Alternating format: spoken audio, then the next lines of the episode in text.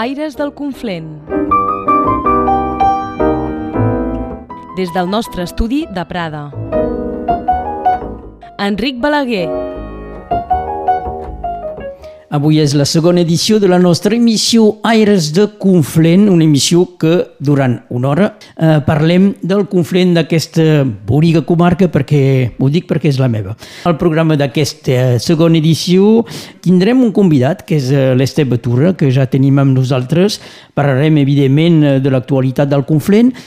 Anirem a sota la terra, anirem a les coves d'aquí, de, d'Embullà, i parlarem de descobertes eh, impressionants que s'han fet en aquí.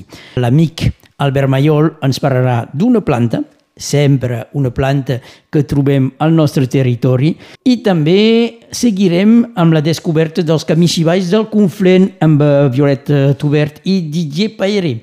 I per eh, acabar, o gairebé acabar, Jaume Taurinyà, antic batlle de Vallestàvia, ens farà passejar dins del seu bonic eh, vilatge. I ara sí que acabarem quan acabarem, acabarem amb les actualitats de l'Oficina de Turisme Conflent que ningú amb l'Agnès Rabat. I comencem amb la dita, el refrany de cada setmana, amb la jove Zoe Bosch Sardans. Ara mateix. Qui dita passa, any empeny. Zoe Bosch Sardans. Enric Balaguer. Segons el llibre de Maria José Valiente. Les sabeu o les dieu?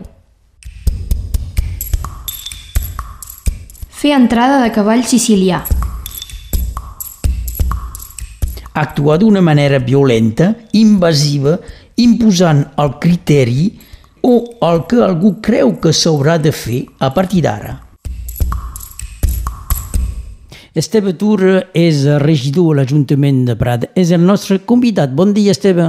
Bon dia, Enric. Aviam, Esteve, presenta't una mica qui ets, què has fet. Ui, serà molt ja, perquè ja sóc una mica bé, ja tinc més de 70 anys ara, doncs serà una mica complicat. Però jo vaig néixer a Torrelles, eh, a la vora del mar, hi ha anys, eh, i al moment de, de jubilar-se vaig venir aquí a Prada fa més de 20 anys, el dia d'avui. Vam comprar una casa aquí a Prada i visquem aquí a Prada.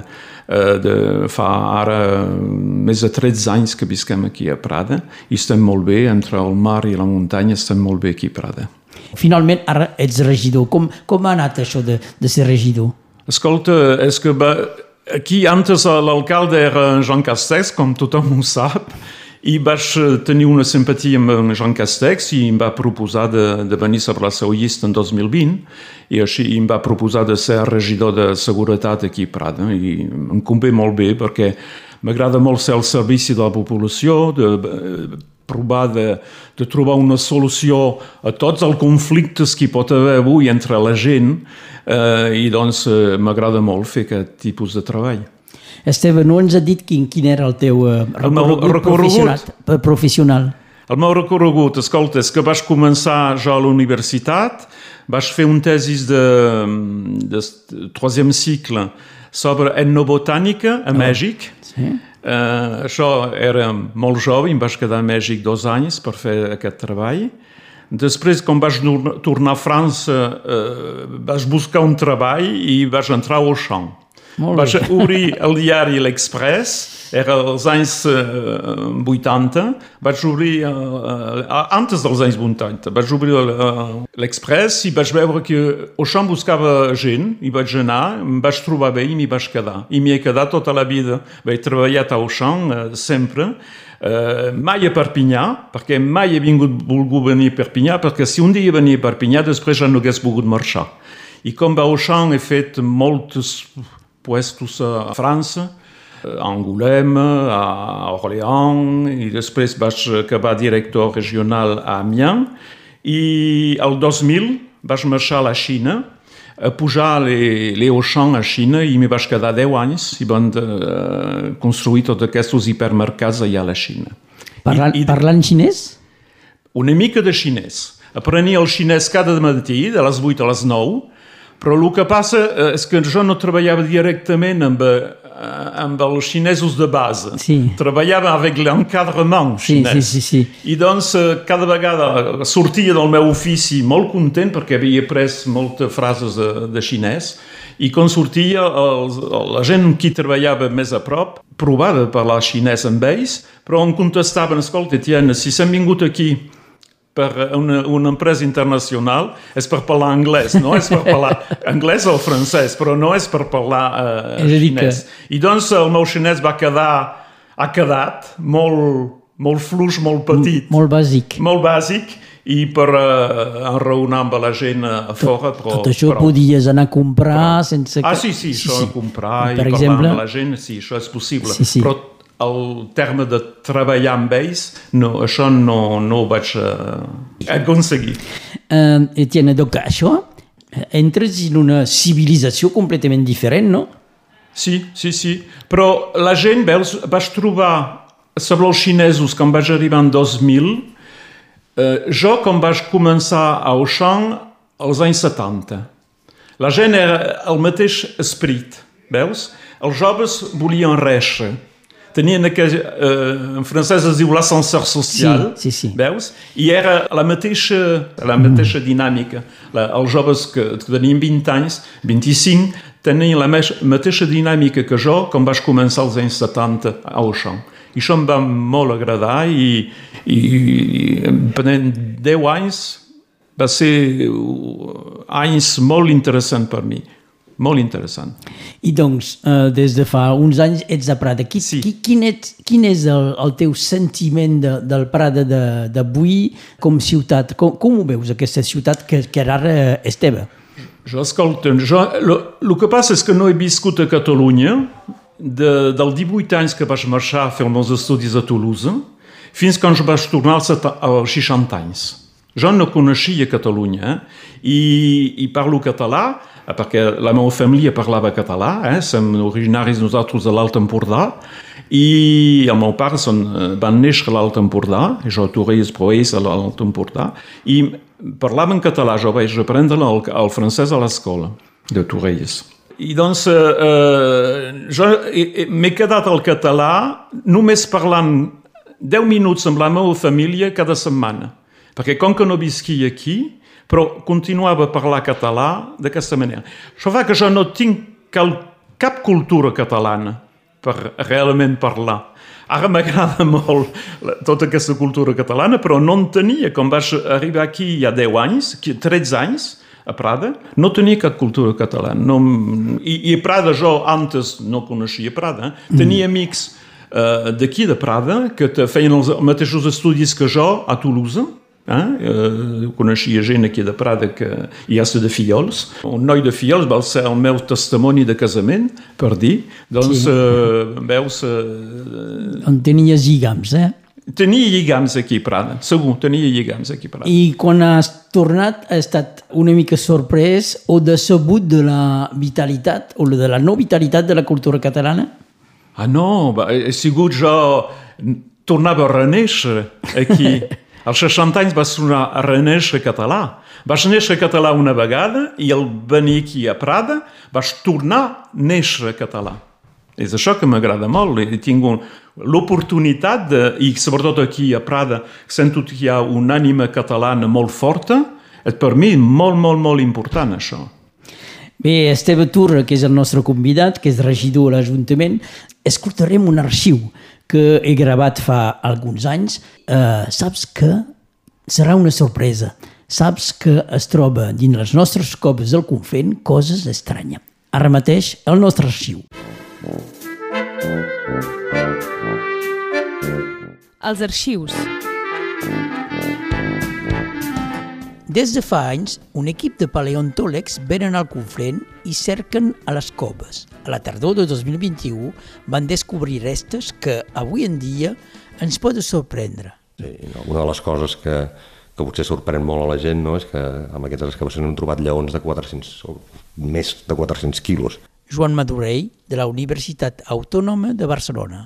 És a dir, el, mm, com una vaca. Sí, sí, pràcticament. I no, i és la, segurament és una espècie molt semblant als lleons avu- d'avui en dia i que segurament eh, ocupava el mateix nínxol ecològic, que vivia igual, que vivia amb, amb, amb, amb manades de femelles, però el fet d'estar molt més al nord i estar en un moment que la climatologia era adversa eh, necessiten tenir més, eh, més gran mida per no, no patir amb el fred d'aquesta manera, no? per conservar millor la calor. La gent que viu en climatologies més càlides acostumen a ser més prims i a tenir menys volum i la gent, els humans em refereixo, que viuen en climatologies més nòrdiques o més àrtiques, acostumen a ser més robustos. I això és per una llei fisiològica, no és perquè mengin diferent. És una cosa natural.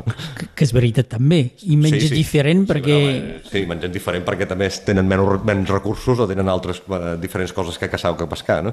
Però, sí, sí, és, és una llei natural, no, no, no, és, no és sorprenent. No passa que bueno, la gent sorprèn, hòstia, teniu animals molt grans. Bueno, els mamuts eren molt grans, els rinoceronts eren molt grans. No? Bueno, uh, però eren grans a tot arreu, no només aquí.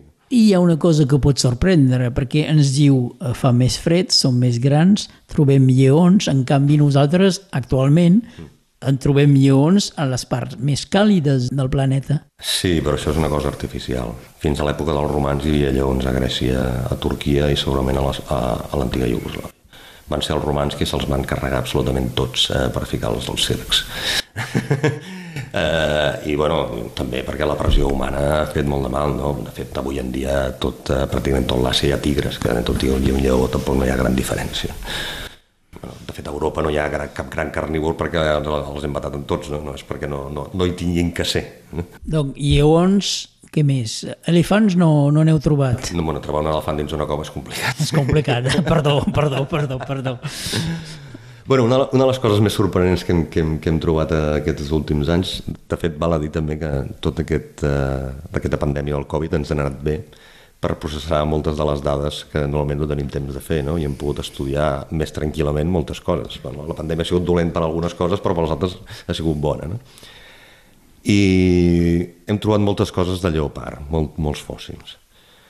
En un primer moment jo pensava, o vaig pensar, potser dins de la meva ignorància, que, que això no era representatiu, però a poc a poc ens estem donant compte que pot ser que els lleopards tinguin una influència molt important en la formació d'aquest jaciment, en quant que pot ser que els animals que trobem morts siguin caçats o carronyejats per aquests lleopards. No? Jo primer vaig pensar que vam trobar marques de, de mossegada als ossos, vaig pensar que podien ser les hienes, però ara que estem més convençuts que pot ser que els lleopards que vivien a les muntanyes d'Embullà es dediquessin a casar isards i, i altres animals i els entressin dins de la... Era Joan Madurell, a la tardor de 2021, ens parlava de les descobertes fetes a les coves del Conflent.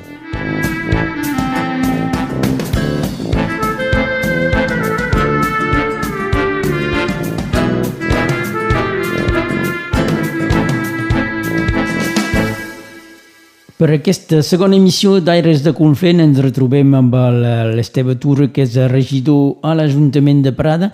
Prada, eh, coneguda també per eh, haver acollit eh, personatges molt importants de Catalunya, com és en Pau Casals i en Pau Peu Fabra. I aquest any, Esteve, l'Ajuntament de Prada farà un homenatge a Pompeu Fabra. En podem parlar? Aquest any farem un homenatge per la, als 75 anys de l'aniversari de la seva defunció aquí a Prada. En Pompeu Fabra, el mestre, va viure aquí dels anys 1942 a 48 i va morir el dia de Nadal de 48 aquí a Prada, al 15 carrer del Marxants. Eh, L'enterro va ser un enterro molt, molt, molt important perquè la gent sortien de l'església, que ja hi havia el, el, la primera gent que arribaven al cementiri. Hi ha dos quilòmetres, penso. Sí. Hi havia dos quilòmetres de, de, de gent cua. entre l'església i el cementiri de Prada per la defunció, de, per l'enterrament d'en de, Pompeu Fabra. Doncs aquest any farem, eh, celebrarem i farem un homenatge al mestre eh, el 19 de desembre, serà una diada Pompeu Fabra, us dic aproximadament com es passarà. Al matí eh, a l'Ajuntament eh, rebrem el, la presidenta i, i professors de l'Institut d'Estudis Catalans, l'Institut d'Estudis Catalans que és l'equivalent sí. a França de l'Acadèmia sí, Francesa. Sí, sí. Són la gent que estan fent el diccionari. Eh, doncs vindran al matí a les 11, farem una recepció oficial a l'Ajuntament, després irem a inaugurar una placa davant de la casa on va viure i morir, al 15 carrer del Marxants. irem després al cementiri on farem un... Uh, Una pregunta, Esteve Tallo. Aquesta, aquesta placa, aquesta casa, sempre hi ha hagut una mena de polèmica sí. que la família no volia deixar sí. posar una placa. Com se soluciona aquesta cosa? El problema és no ha canviat. Bé. La senyora que viu en aquesta casa no ens deixa posar una placa sobre la façana.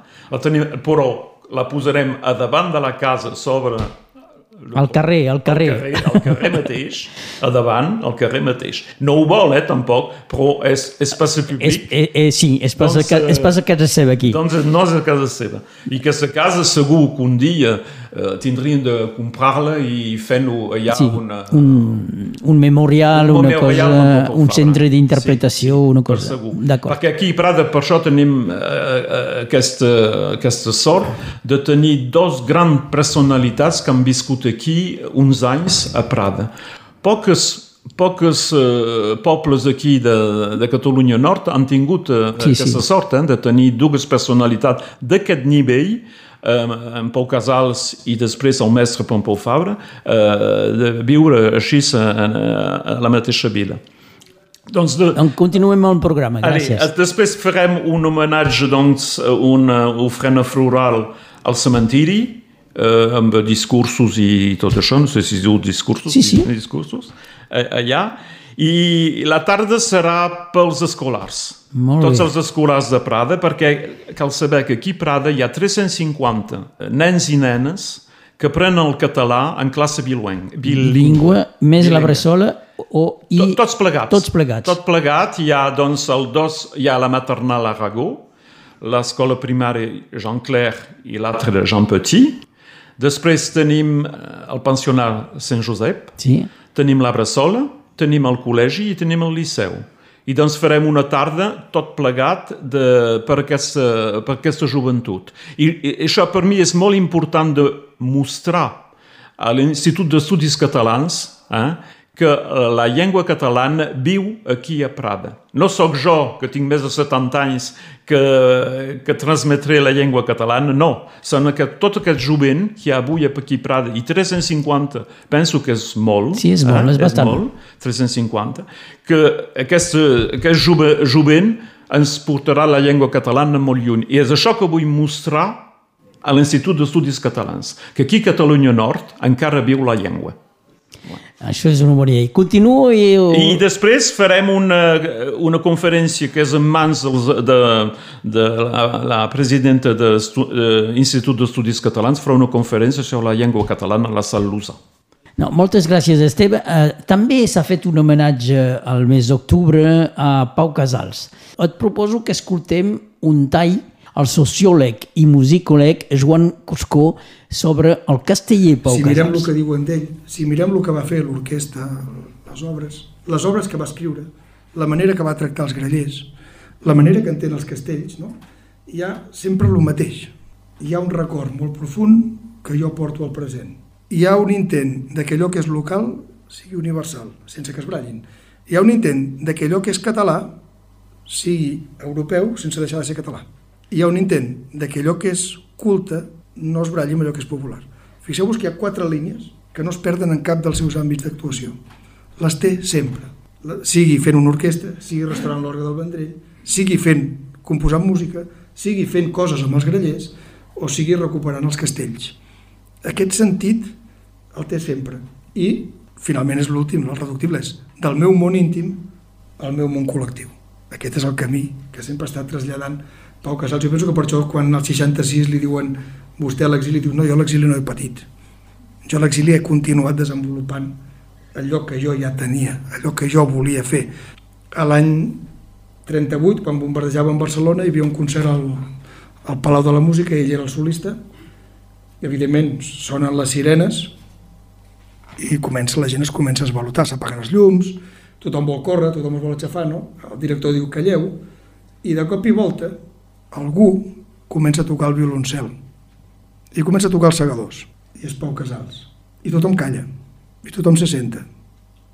I s'acaba el bombardeig. I torna la llum. I troba en Pau Casals que estava plorant com el públic. Què havia fet? havia convertit una situació conflictiva, un exili, una guerra, una bomba, una situació complicada en una situació que ell controlava, una situació que ell dominava, en una situació que ell li donava un sentit nou, en una situació que ell aconseguia generar col·lectivitat. Jo penso que aquest, aquests fets, aquestes idees, no, ens donen una visió d'allò que era ell, de lo que volia, el que buscava, el que perseguia, sempre en tot sentit, i una coherència interna molt, molt gran, una personalitat molt gran que es mostra en les obres compositives, no només per la qualitat que tinguin, que en tenen, sinó per tot el que hi ha al darrere de cadascuna d'aquestes obres, o per lo que fa amb les obres que recupera, i per lo que fa amb els exiliats. Per lo que fa, I dius, tot quan vas la cadena, tens aquella primera frase que hem començat, que jo penso que en aquella carta de l'any 30 ell resumeix molt bé què està fent amb l'orquestra, què està fent amb la seva vida i què està fent amb la música, perquè la música no és només una cosa per passar l'estona, la música és una part essencial d'allò que som els humans. I per això la música comença abans de que nasquem i és l'última que escoltem quan ens morim. La oïda és el primer que tenim al ventre de la mare i la oïda és l'últim que perdem abans de morir. I això va descobrir Brotge a la Guerra Civil. I per tant, la música és abans i després de la nostra vida. I la música ha de canviar. Canviar. La situació aquesta del 38, jo penso que és el que ell volia, canviar la música no acompanya, la música transforma la situació. Per això no m'agrada Ortega i Gasset, que era un pedant fatxa, quan diu context, no, situació. La situació és algo que jo interactuo i conviu i convisc, la transformo, la converteixo en meva. El context és algo fora, algo que m'obliga, algo que em mana. No, Pau Casals no vol que el mani. Soc jo el que dirigeixo, sóc jo el que transformo, sóc jo el que fa la música. Res més, si hi ha alguna pregunta jo us les accepto i ja m'he allargat molt.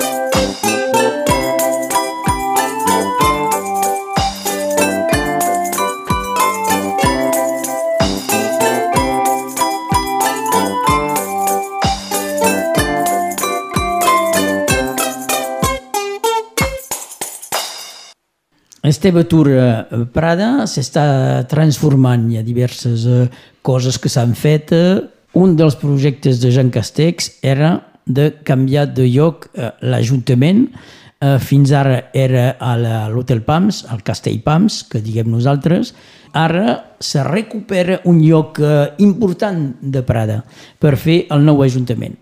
Sí, s'ha traslladat de, de, del Castell Pams fins a, més al centre de la, de la ciutat. Hem, ara el nou ajuntament és a la, a la rue du Palais de Justícia, eh, que és més a prop del centre de Prada, I perquè és sigui més a prop de la gent. I és l'antic Palau de Justícia. I és l'antic Palau de Justícia que havia estat abandonat del principis del 2000. 2005 penso que va ser, va, van acabar el Palau de Justícia Prada i aquest eh, bâtiment eh, no, no servia més a res, doncs eh, la, ha, ha estat transformat i ara és el nou ajuntament, eh, el nou ajuntament on tot és molt més funcional pels empleats, per rebre gent, eh, etc.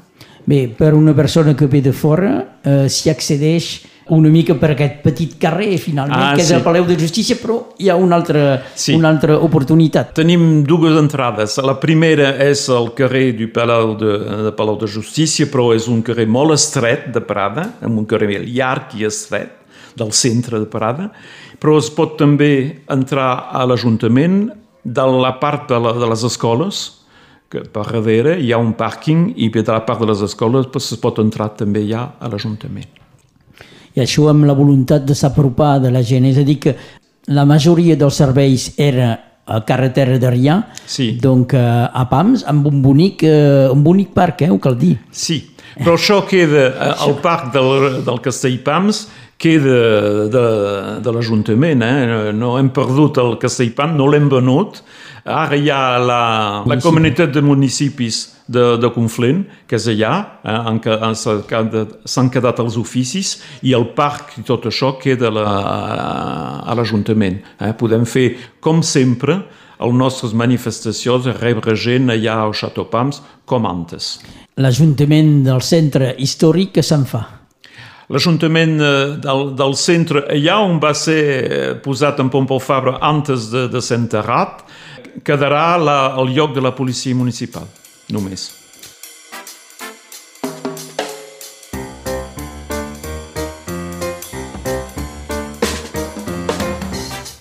Plantes de Conflent.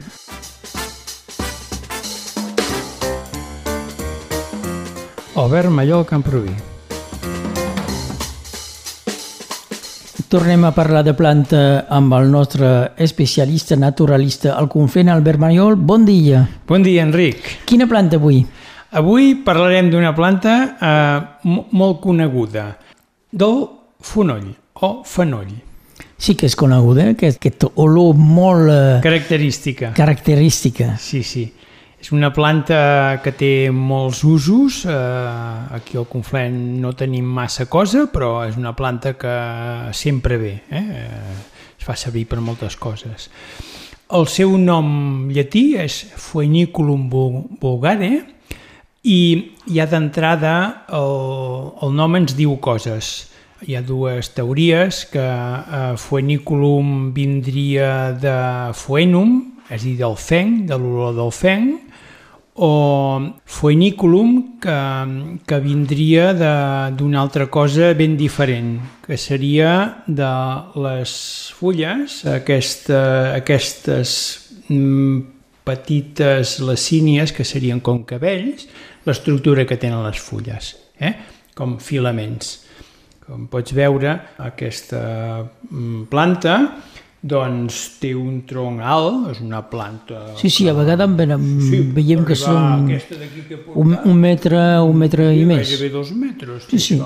I pot arribar a fer més, eh? I, i és una planta que, que eh, quan és ben jove eh, és un, es, es veu ben bé una mata tendra, eh, fulles tendres, carnoses, que una mica ens fa pensar amb els, amb, les, amb els fonolls que es venen als supermercats, que de fet no serien res més que les fulles basals. Eh? I que formen com una espècie de, de cosa rodona. Eh? Sí. Eh, Llavors, bé, d'això en parlem. Aquest que se serveix per la cuina, vols Eh, dir? serveix per... Exacte, que seria una, una varietat concreta. Llavors, és una planta local, eh, d'origen mediterrani, molt escampada sobretot en els llocs que són calents, eh, suporta molt bé la sequera, i eh, bé, eh, té unes fulles que són, quan són tendres són carnoses, les de baix, les basals, i a mesura que van passant els dies i que la planta creix, doncs es va tornant com la veiem, molt espigada, amb un tronc força nu i amb unes fulles que té això, que estan molt dividides, que de fet el que ha quedat no són res més que els nervis. Bé, veieu un tronc d'un color verd fosc i després veiem que té flors molt, molt petites d'un color groc verdós i que d'unes estructures que semblen paraigües, eh, tècnicament en diem umbeles, que tenen un, una colla de radis. De vegades en tenen més i de vegades en tenen menys, així entre 4 i 30, que a més a més se subdivideixen, que tenen uns radis més, és a dir, són paraigüets que formen un gran paraigua. Llavors, en aquí és on hi ha les flors que s'aprofiten i després més tard tindrem les granes i les fulles que es farien servir generalment serien les basals. Tot recordem eh, passejades eh, Sí. per la natura. A quin moment eh, fa aquest flyer més important? Sí. Eh, aquest, que, que, que evidentment eh, realment és, és persistent. És Sí, que... sí, sí. Pot fer-ho en el moment en què tenim les mates eh, fresques que surten, tocant-les, o també pot ser en un moment que la planta s'espiga i que fa forta calor. En els llocs que hi ha eh, fonoll, per exemple, la fenolleda, eh, molt probablement... Ve d'això, no? Ve d'això. Mm -hmm. Sí, sí, sí. Hi ha altres exemples, eh? Aquest seria un de proper. A Prada, per exemple, tenim el camí de Fonoix, Sí, doncs... segurament que, que ve d'això ha de també. venir d'aquí, segurament sí. Llavors, anant en els noms, per exemple, el que és interessant és veure quins noms se'ls hi ha donat aquí, que ja ens expliquen una mica els usos, no? I eh, en Companyó recull un, que és el més antic que, que nosaltres tenim, potser n'hi ha d'altres, que es diu Fonoll de Castanyes. Ja ens eh, explica que era utilitzat per coure castanyes i eh, sí, sí, en aquí persones me diuen que couen les, les castanyes, com en d'altres llocs també, escabotant-les i posant un bon tros de fonoll, tronc, fulla, fan un manyoc i el tiren dins l'olla per fer-les més digestives i probablement també per aromatitzar-les. Ja en tenim un ús. Altres usos. I Potser al nivell eh, Sí. de la ha- salut? De, de, a nivell de salut és una planta molt, molt estimada perquè controla els gasos intestinals i afavoreix el trànsit intestinal. Llavors seria un dels principals usos com a planta medicinal. També n'hi ha d'altres, eh? per exemple el fonoll era útil i és útil per, eh, com a galactogen, és a dir, per fer venir la llet en les eh, nodrisses, és a dir, les persones que donen de mamar als seus fills o fills d'altres. Llavors, s'ha de tenir clar que en aquest procés també tenen inconvenients, com totes les plantes, de vegades van bé i de vegades no. I aquí les persones que haurien de vigilar, per exemple, són les persones que estan en que sembla que poden tenir algun problema. Com tot, has de ser assessorat. Però fixem-hi bé que ja tenim un ús medicinal i després si parlem més de, de, de menjar o de gastronomia en general, és un dels ingredients principals en plats de peix, que hi ha peix, com moltes altres um- umbel·líferes. Eh? I, I després també, quan aquests, aquests troncs, els calussos, aquests, quan són tendres, també s'apalaven i s'adobaven. Llavors, i això mateix que hem dit que es posa per coure les castanyes, també es posaria per, per adobar olives, un altre ús. I n'hi ha d'altres, eh? N'hi ha molts N'hi ha tota una colla, pot ser un altre dia en parlem específicament de tot això. I una altra cosa que no m'agradaria oblidar és que aquesta planta, a través de les seves sotespècies, cultiva per menjar, es cultiva per collir les granes per eh, medicina i també n'hi ha alguna varietat que es cultiva com ornamental. És dir, pot ser una planta ornamental molt interessant en els temps que corren que hi ha poca aigua. Albert Mayol, moltes gràcies. Recordem eh, el nom, tant el nom eh, Sí. popular que el nom científic i que el nom... Bé, Sí. els noms d'aquesta Els planta noms d'avui. de- de- d'aquesta planta. El conflent, el nom popular principal, o els dos principals, seria fenoll o fonoll. I tenim un de recollit, fonoll de castanyes. I en occità, fenoll. Sona igual, s'escriu diferent. N'hi ha d'altres també, eh? Llavors, eh, foiniculum vulgare. Moltes gràcies, Albert Mayol, i A tu, Enric. fins una altra. Fins Adéu. una altra.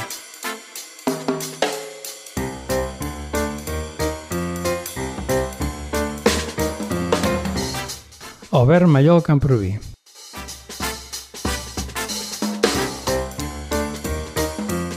Plantes de Conflent.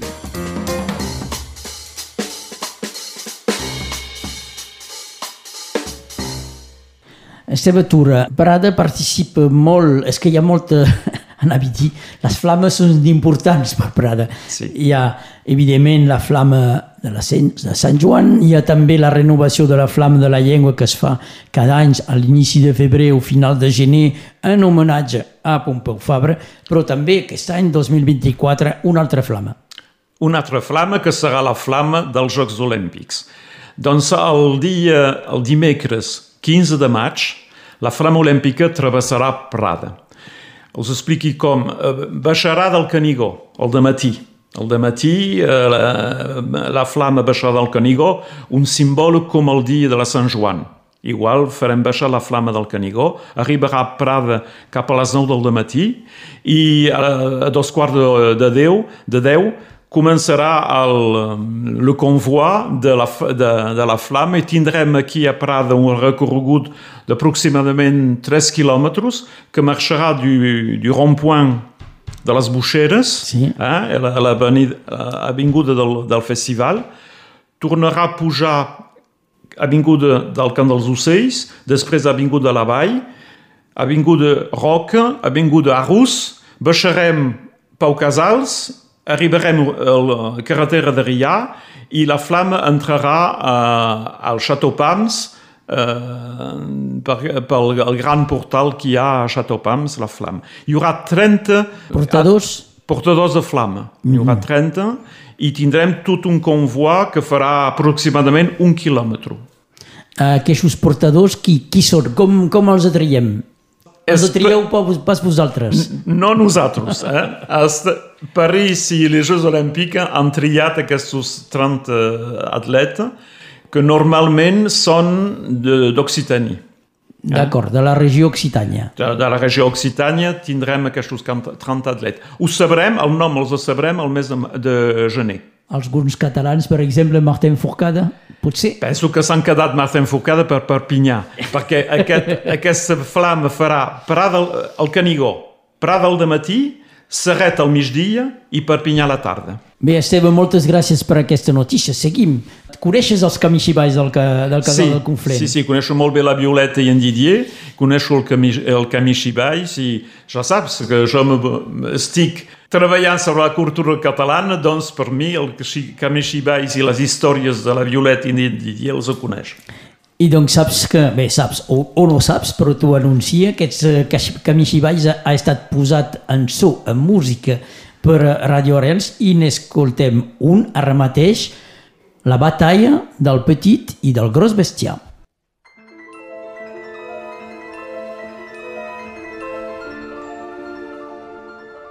Els camixibais del casal del Conflent. La batalla del gros i del petit bestiar.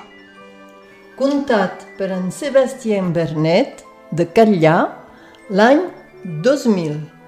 Adaptat per en Didier Pairé. Inspirat també pel text d'en François Miró, revista El Finestró, butlletí del Fogar laic de Taurinyà, 1981. L'il·lustrador és l'Alexandre David.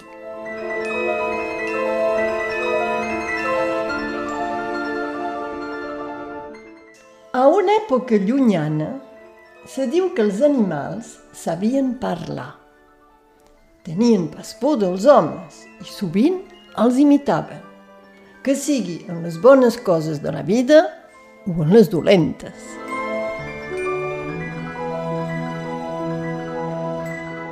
Hi havia, i hi ha encara, dues categories d'animals, els grossos i els petits.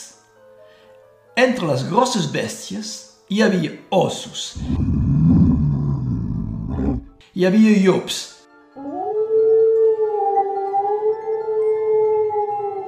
Hi havia guies i hi havia cinglars.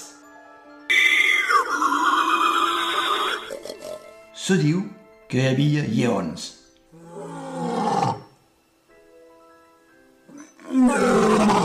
i hasta elefants.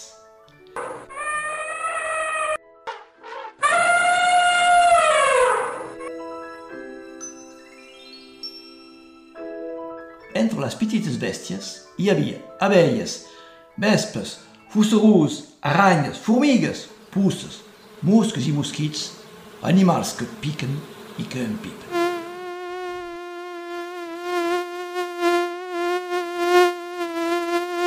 Demaneu pas per què la guilla era l'amiga dels petits animals i els grossos ho sabien pas.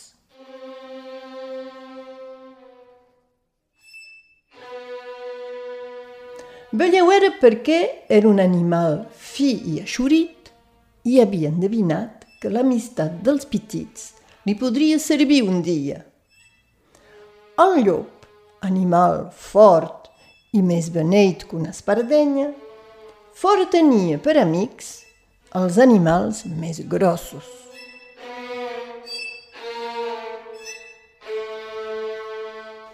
Un dia, cap al salt gros de Caillà,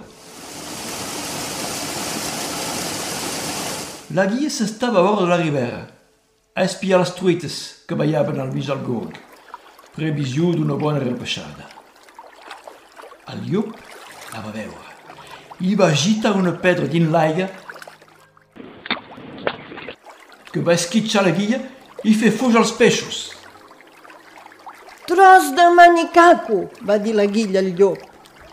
Ets tan dolent com ruc, m'ho pagaràs. I com ho vols fer pagar? va riure el llop. Som manta més fort que tu. I bé, veurem qui serà el més fort. Jo miraré de fer venir els meus amics. Tu, si en tenes, miraràs de fer venir els teus.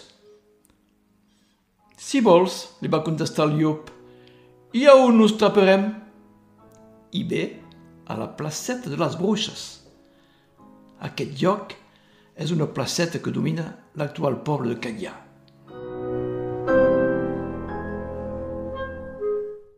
El dia previst, el llop i els altres animalassos van arribar a la placeta de les bruixes, ensenyant les urpes i les dents, tot fent crits espantosos.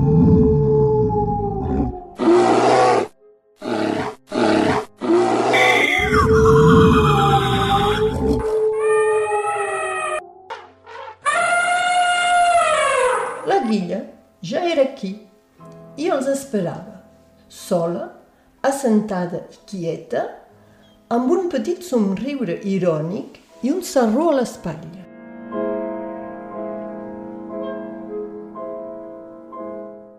I carai, va dir el llop, ets tota sola. Amb calques queixalades la cosa arreu serà acabada. Podem començar? Ja que aquest dia segurament serà el meu darrer, voldria esperar encara un poc, va dir la guia. Si vols, me pas massa temps, tenim altra cosa a fer. A llavors, la guia va sair una conca de càrgol de mar del seu sarró i va bufar a dintre.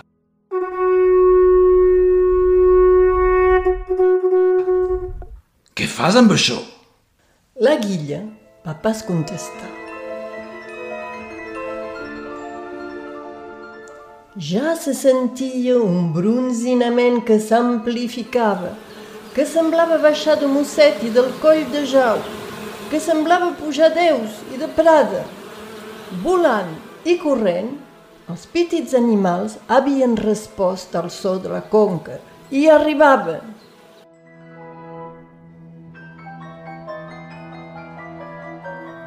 Uns segons més tard, el cel se veia pas pus, de tants deixams que l'enfosquien. I el sol se veia pas pus tampoc, de tants animalets que el cobrien.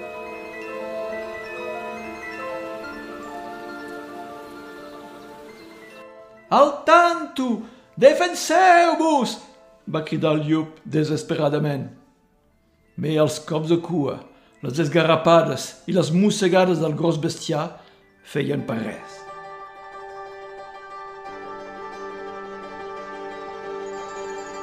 Els animalets arribaven, encara i encara més nombrosos. Se'ls enganxaven sota els pèls i pica que picaràs.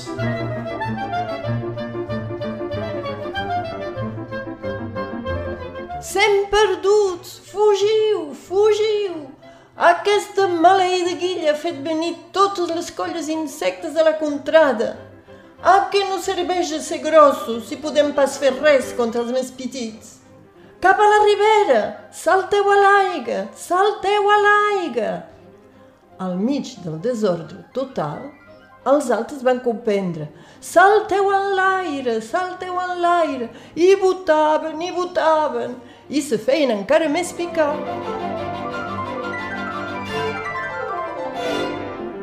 Ningú sap com va acabar la cosa.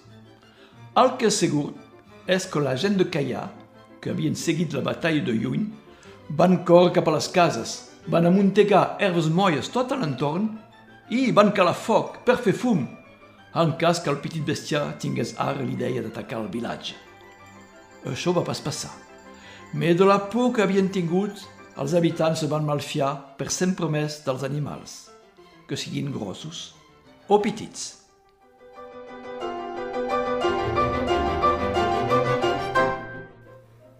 Pas un gos, pas un gat. Aquest conte s'ha acabat.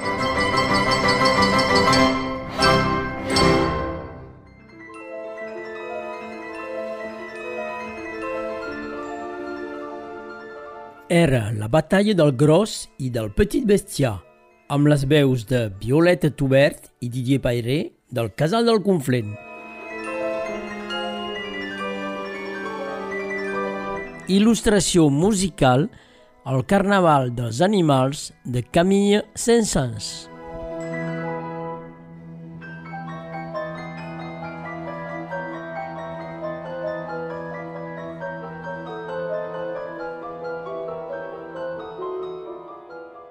Marxem de Caià per descobrir un altre vilatge del Conflent, Vallestàvia.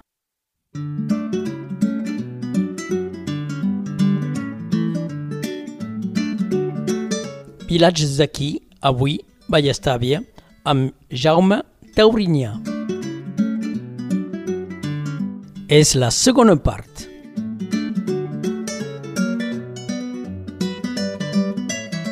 Si vols, eh, Jaume, si no et fa res, baixem pels carrers eh, ara que sem, eh, que sem a dalt i eh, el que remarquem és que els noms dels carrers són en català.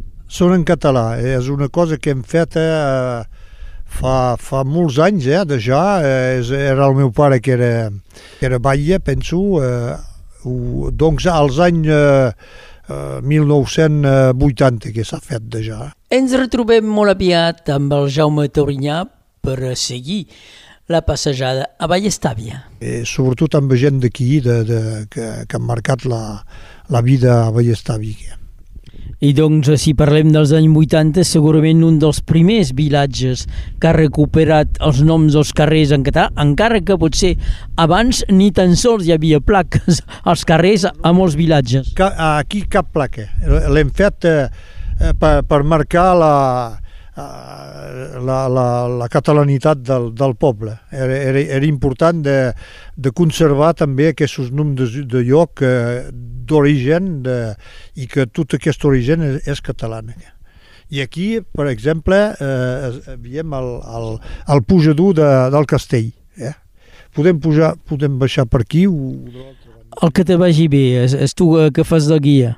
Pu- eh, baixem per aquí. Eh, Doncs aquí baixem pel carrer, al carrer de la Font de Dalt. Donc a la, al poble hi havia eh, dues fonts, una, eh, una per cada, cada part del poble, perquè aquí estem a la, a la part alta. Hi ha una altra part que es va construir a vora del riu, perquè hi havia, hi, ha, hi, hi havien posat el, eh, la, la, la farga en, en primer i després els molins. Hi havia dos molins a baix i un altre que és, que és, eh, ara és la casa meva, és, eh, eh, és més, a, més amunt del, del poble, se'n diu el, el Molí damunt.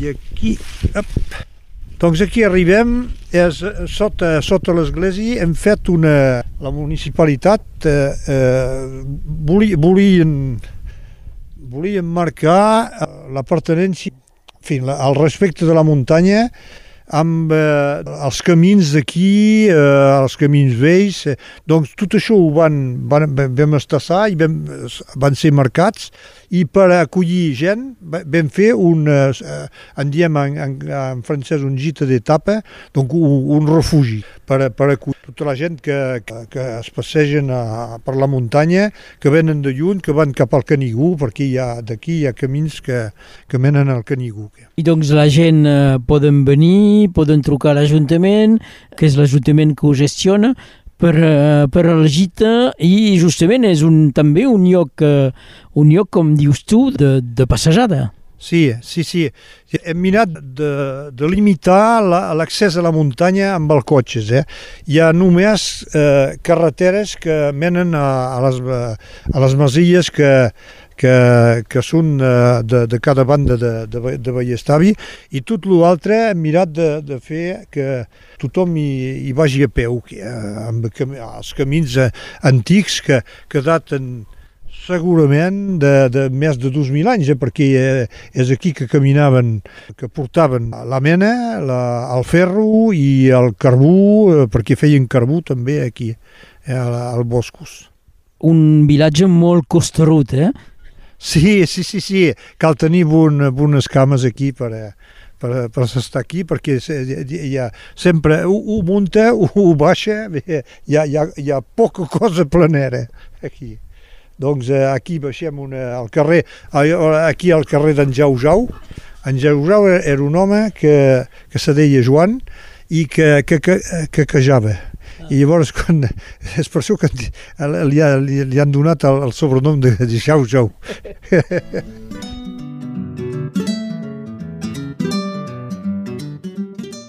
Ens retrobem molt aviat amb el Jaume Taurinyà per seguir la passejada a Vallestàvia.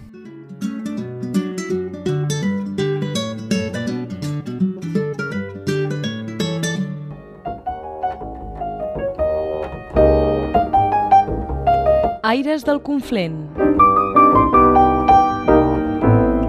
Des del nostre estudi de Prada. Bon dia, sóc l'Agnès de l'Oficina de Turisme Conflent Canigó. Us informo de diverses animacions que es faran aviat al Conflent. El 17 de novembre, a les 6 de la tarda a, a Oleta, al Parc Natural Regional del Pirineu Català, una conferència sobre el patrimoni militar al Conflent. La conferència es fa dins del marc del label Pays d'Art i d'Histoire i està animada pel, pel Bernard Rieu, autor d'un llibre sobre l'història de Guaita medieval. La conferència està obertes a tothom i gratuïta. El diumenge 26 de novembre, l'associació Les Nins de Calla organitza un run and bike per sostenir els projectes pedagògics de l'escola. Podreu participar hi ha diverses distàncies proposades. Eh, el preu és de 15 euros. L'esdeveniment començarà a les 9. Fins al febrer 2024 podreu veure una exposició al Parc Natural dels Pirineus Catalans a Oleta. Les pastores del Pirineu. És una exposició oberta per a tothom i gratuïtes. Les fortificacions de Vilafranca de Conflent organitzen una exposició. Podreu veure fotografies de les fortificacions realitzades pels visitants. L'exposició és visible durant l'obertura de les fortificacions totes les tardes de la 1 a les 5 fins al 31 de desembre. Retrobeu totes aquestes animacions sobre la pàgina web de l'Oficina de Turisme Conflent Canigó www.turisme-canigó.cat Fins aviat al Conflent. Bé, Esteve Tur, regidor de l'Ajuntament, eh, ens acompanyes avui amb, eh, evidentment, eh, informacions importants, eh? informacions importants que és el nou Ajuntament que s'inaugura no ara, eh? encara que ja està en funcionament. Fins al mes de març farem un gran dia d'inauguració per tota la població, la, tota la gent de Prada, eh, per tota la gent de Prada, i també hi posarem tots els nostres eh, viles que són agermanades, com Kissingen, Lusa a, eh, Kissingen a Alemanya, Alemanya. Eh, Lusa a Portugal, Ripoll a Catalunya, i també hi, hi afegirem també eh, Menton. Sí. Perquè van rebre eh, durant la guerra eh, la gent de Menton aquí a Prada. Sí, sí, eh, va, va ser, eh, sí, fins i tot em sembla que el Palau de Justícia va ser Ajuntament, Ajuntament de Menton. De Menton. Recordem que hi haurà un uh, homenatge a Pompeu Fabra. Eh, el 19 de desembre. I hem descuidat de dir el concert que hi ha al vespre. No, el, no és un concert. Ah, Fa, un concert. Farem el concert però la tarda. La sí, tarda amb, amb tot el jovent de Prada. Sí? Eh? En Ramon Gual jove sí. eh, es cuidarà de les primares de Prada i en Maxime Cayuela, eh, que és un cantant que va cantar a The Voice Kids eh, quan tenien eh, 9 anys i cantant cançons d'en Jordi Barra, eh, vol dir que va portar la llengua catalana en prime time sur TF1 un dissabte al vespre. Això... doncs per mi és molt important, és important. per veure com viu la llengua catalana. I doncs en Maxime també, ell prepara amb la Bressol, amb el Liceu i amb el col·legi, prepara tot cançons i ell també cantarà. Molt bé, Esteve Tur, regidor a l'Ajuntament de Prada, gràcies per ens haver acompanyat a aquesta edició número 2 de l'edició Aires del Conflent, feta des de l'estudi de Prada. Gràcies a tu i bon dia. Gràcies. Aires del Conflent. Des del nostre estudi de Prada. Enric Balaguer.